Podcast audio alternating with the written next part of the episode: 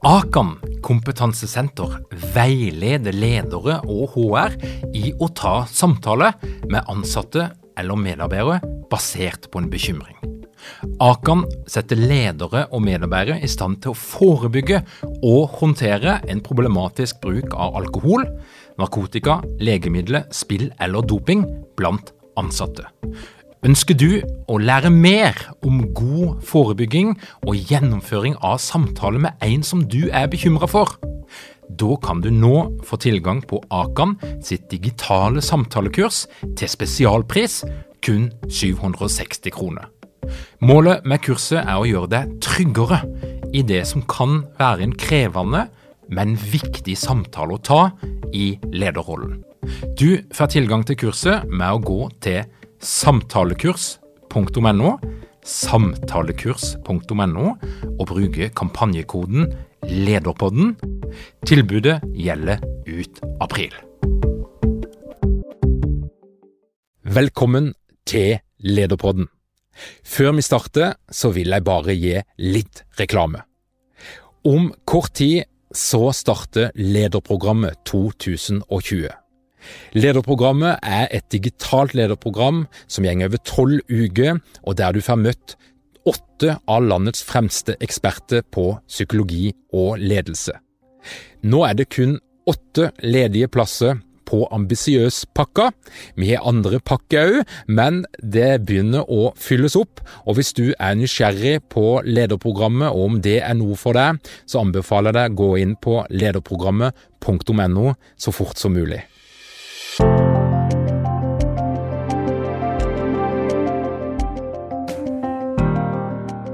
Velkommen til Lederpodden. Mitt navn er Tor Åge Eikerapen. Jeg jobber som organisasjonspsykolog, og dette her er en podkast om ledelse. I'm at home, in my home office, and I just finished a meeting. I begynnelsen av juni så gikk Sigve Brekke, CEO i Telenor, ut på sosiale medier og hadde en eh, fin tale der han fortalte om sin begeistring for at det nå var mulig å jobbe på heimekontor. Han fikk det til å høres ut som at dette her var noe helt nytt som plutselig hadde skjedd, men jeg tror at ansatte i Telenor har jobba i snart over 20 år på heimekontor. Men talen til Sigve Brekke den var allikevel en viktig markør. For når Telenor gjenger ut og snakker høyt om heimekontor, så betyr det at det er en strategisk beslutning. Det kan være flere grunner til den beslutninga, men det at de så sterkt ønsker å kommunisere at de nå skal åpne opp for heimekontor, som de faktisk allerede har gjort i mange, mange år, så handler det om flere ting. For det første så tror jeg jo at det er et smitteverntiltak som skal ruste en organisasjon for framtida. Det å sitte tett sammen på et åpent kontorlandskap Free seating er helt klart en risikofaktor når det kommer til smitte. Den andre driveren for denne type endringer, det er som ofte før økonomi. Det er ingen tvil om at det er store penger å spare for store virksomheter på å ha ansatte som til enhver tid sitter på et heimekontor, istedenfor å oppta dyre kontorlokaler i sentrale strøk. Og Derfor så er det jo eh, både legitimt og fornuftig å ha en strategi som da satser på at i løpet av ei uke så skal x antall prosent av arbeidsstokken være på heimekontor, og at en rigger seg kontormessig og fasilitetsmessig for den type ordning. Store penger å spare og mange muligheter. Selvfølgelig så finnes det andre gode grunner til å satse på heimekontor. Det kan jo være at ansatte eh, ser på det som en fordel, som en frihet, som noen muligheter, en fleksibilitet som er utelukkende positiv, og det tror jeg nok mange gjør. Men jeg har jo lyst til å gå litt inn i den mørke sida av heimekontoret. For skal dette her prosjektet lykkes, så må vi òg ta inn over oss at eh, heimekontor og det å basere seg på at store deler av arbeidsstokken befinner seg på et heimekontor flere dager i uka, der kommer det òg noen utfordringer. Noen utfordringer for den enkelte, noen utfordringer for den ansattes familie, og noen utfordringer som du som er leder eller jobber med HR, må håndtere. Og jeg tror kanskje at i verktøykassa som HR og ledelse har i dag, så er det ikke tilstrekkelige verktøy for å håndtere de problemstillingene som kan oppstå når vi skal kjøre massivt på med heimekontor, og det blir gjort til en stor del av virksomhetens HR-strategi. For å illustrere en av problemstillingene, så vil jeg fortelle en historie. Denne historien det er en historie fra virkeligheten. Det er en historie som jeg sjøl kjenner godt til, og det er en liten illustrasjon på noen av de problemstillingene som kan dukke opp i kjølvannet av utstrakt bruk av heimekontor. Jeg vil fortelle en historie om Morten.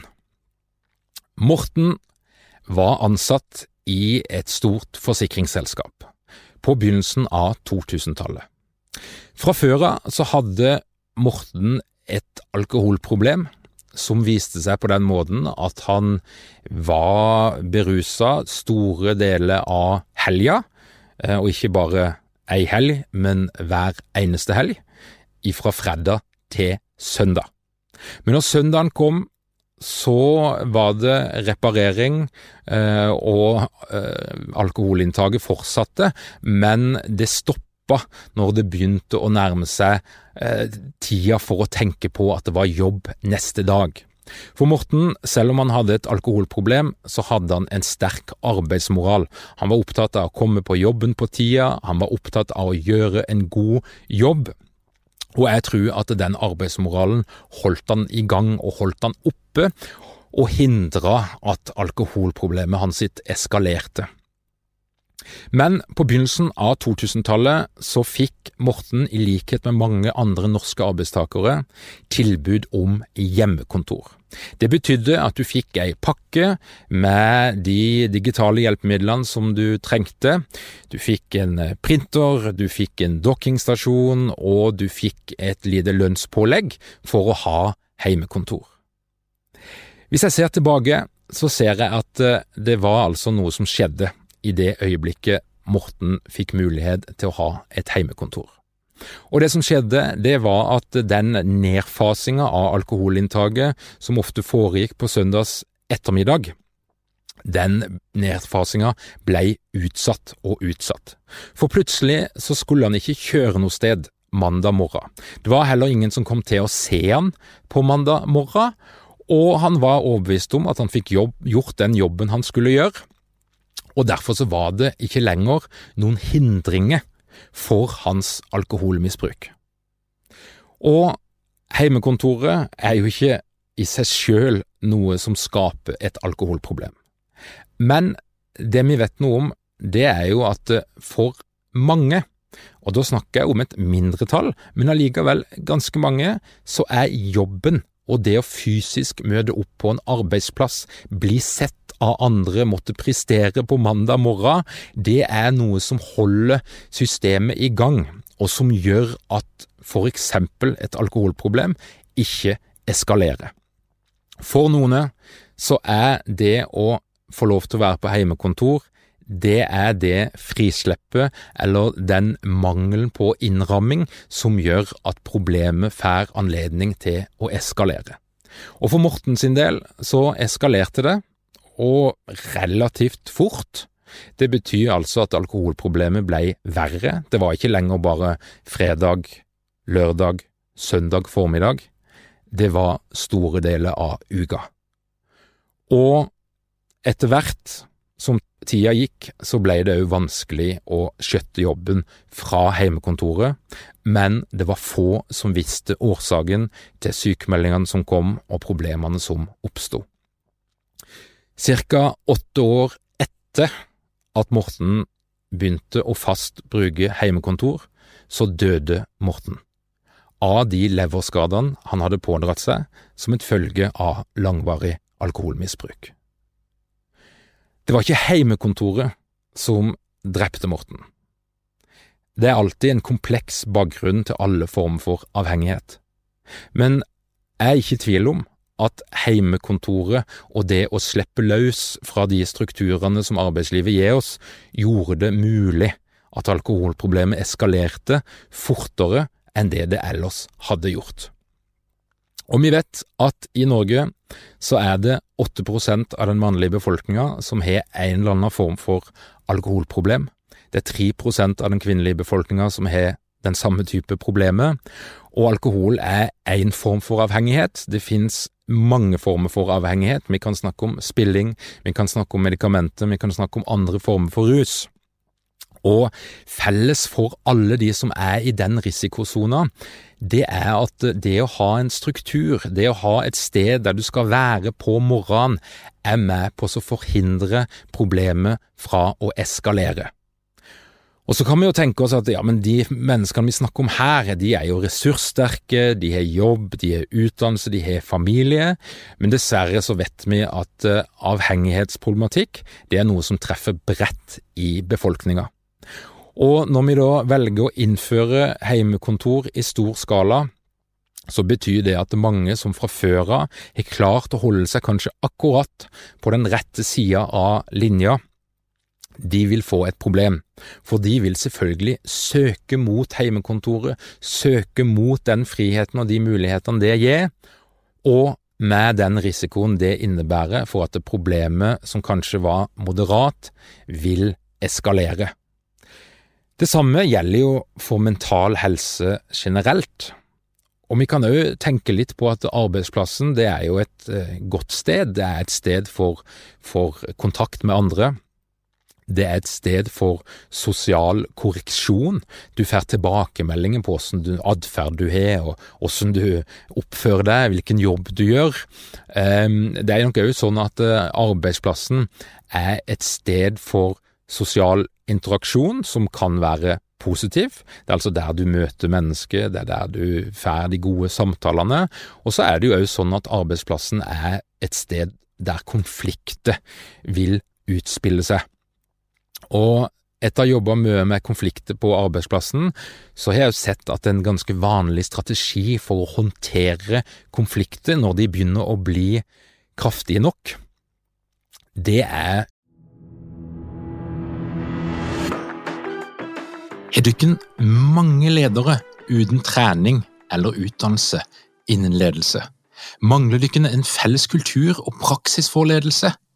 Ønsker dere å være bedre rusta for fremtidig vekst og endring, da kan et internt lederutviklingsprogram være en god investering.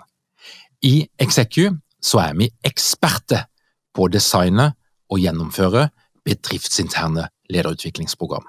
Hvis du ønsker å lære mer om hvordan vi kan hjelpe dykken til å få enda bedre ledere, ta og klikk deg inn på execu.no.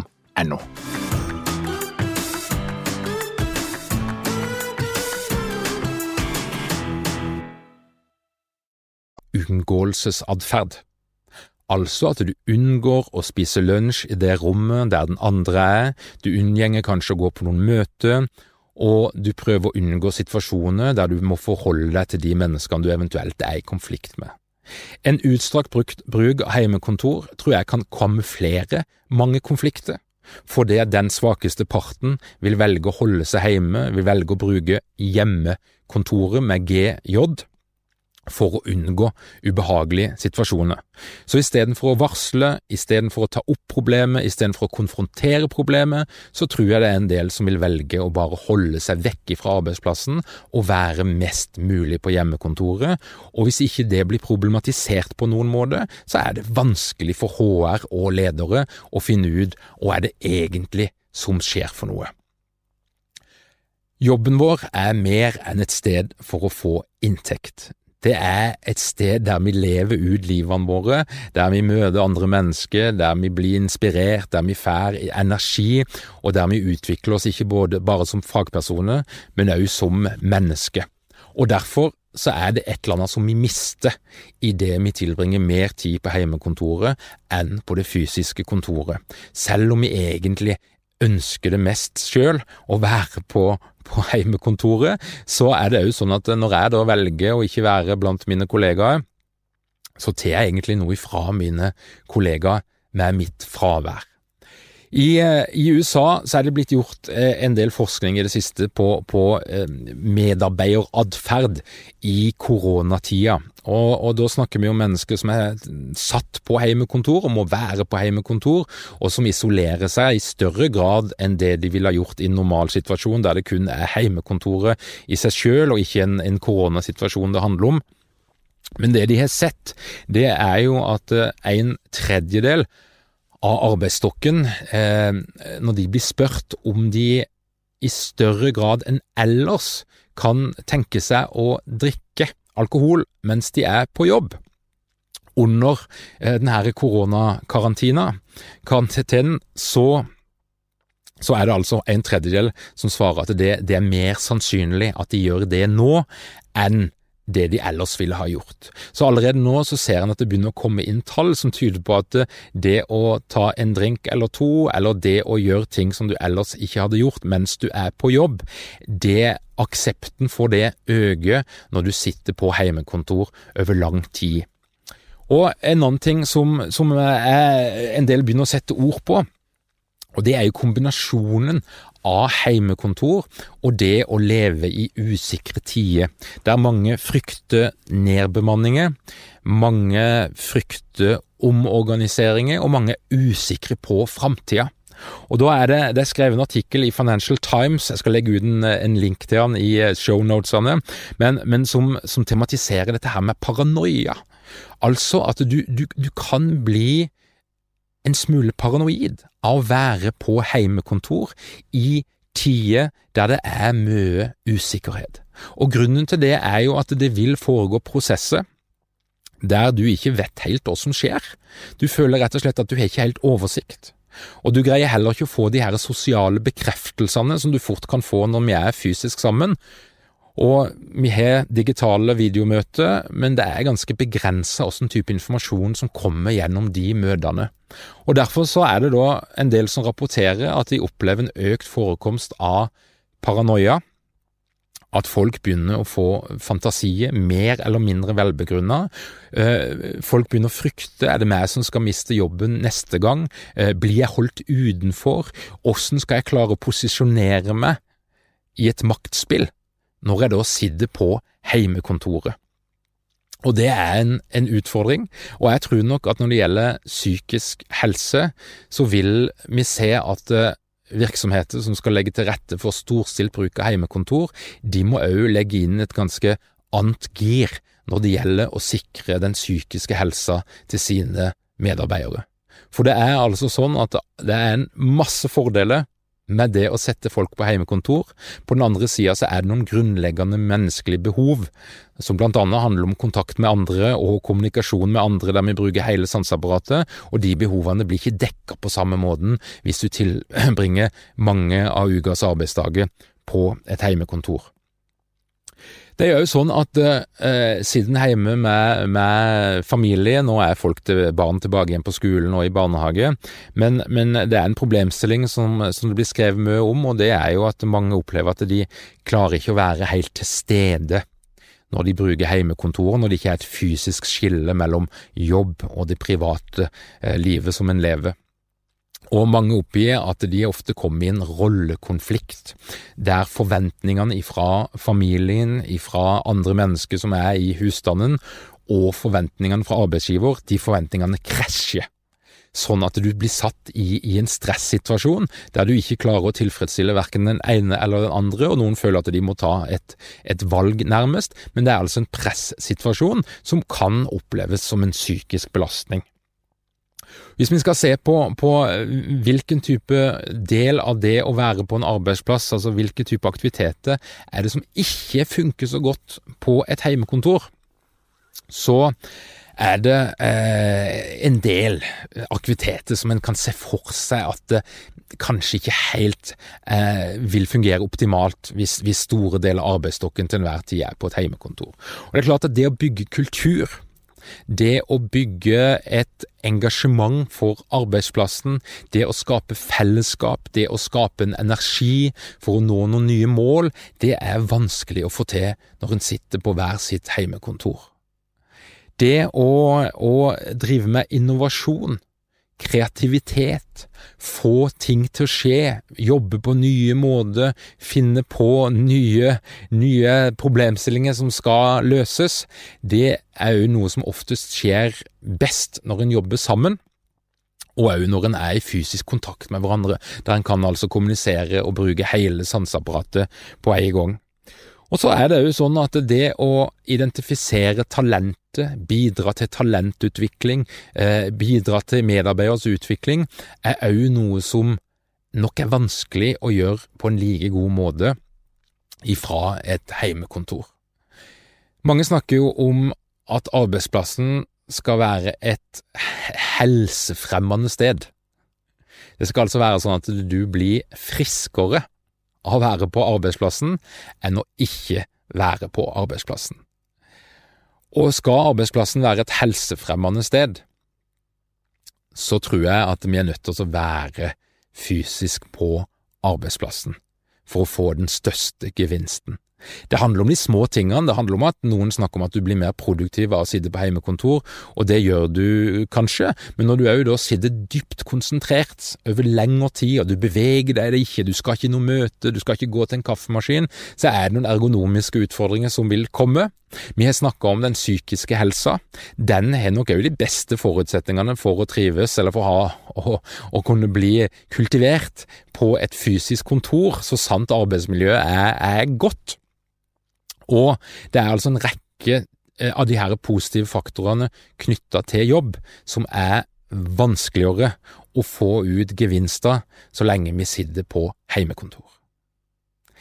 Jeg tror at uh, vi vil se mer bruk av heimekontor. Selvfølgelig vil vi det, det er helt selvsagt, og vi ser det allerede. Og det er ingenting som skal reverseres eller vil kunne reverseres, men jeg tror at uh, du som jobber med HR, og med ledelse. Du må nok bidra til å lage noen systemer og kanskje en ny måte å jobbe på for å fange opp den lille prosentandelen som ikke funker så bra på heimekontor. Der heimekontoret bidrar til mer avhengighetsproblemer, dårligere psykisk helse, dårligere fysisk helse og kanskje også mer ensomhet. Og det er vanskelig å komme i kontakt med og få et ordentlig tak på det som skjer på heimekontoret, for det er ikke synlig. Sånn at hvis du jobber i HR eller som leder, så blir informasjonstilfanget som du får, det blir betraktelig lavere i det de medarbeiderne som du kanskje bør følge ekstra godt med på, ikke er synlige i det daglige. Så en liten utfordring til deg som da sitter i en HR-stilling eller i en lederstilling, det er at de her utfordringene må adresseres. Åssen ta vare på de folkene som ikke takler like godt å sitte på heimekontoret som det de andre gjør. Åssen strategier skal de kunne ha for å fange opp de her problemstillingene? Åssen skal de kunne forhindre at heimekontoret blir en inngangsport til langvarig sykemelding eller lavere prestasjon dårligere psykisk helse og mer avhengighet. Jeg håper noen plukker opp den utfordringa, og jeg legger ut noen artikler som kanskje kan være med og bidra lite grann. Og så ønsker jeg du kan bare lykke til med å rigge HR og ledelse for ei ny tid med mer heimekontor, mer fleksibilitet, mer frihet, men òg mer ansvar. Du har nå hørt på Lederpodden. Lederpodden presenteres av Lederprogrammet. Hvis du ønsker å bli med på et tolv ukers digitalt lederprogram der du får møtt åtte av landets fremste eksperter på psykologi og ledelse, så sjekk ut lederprogrammet.no nå.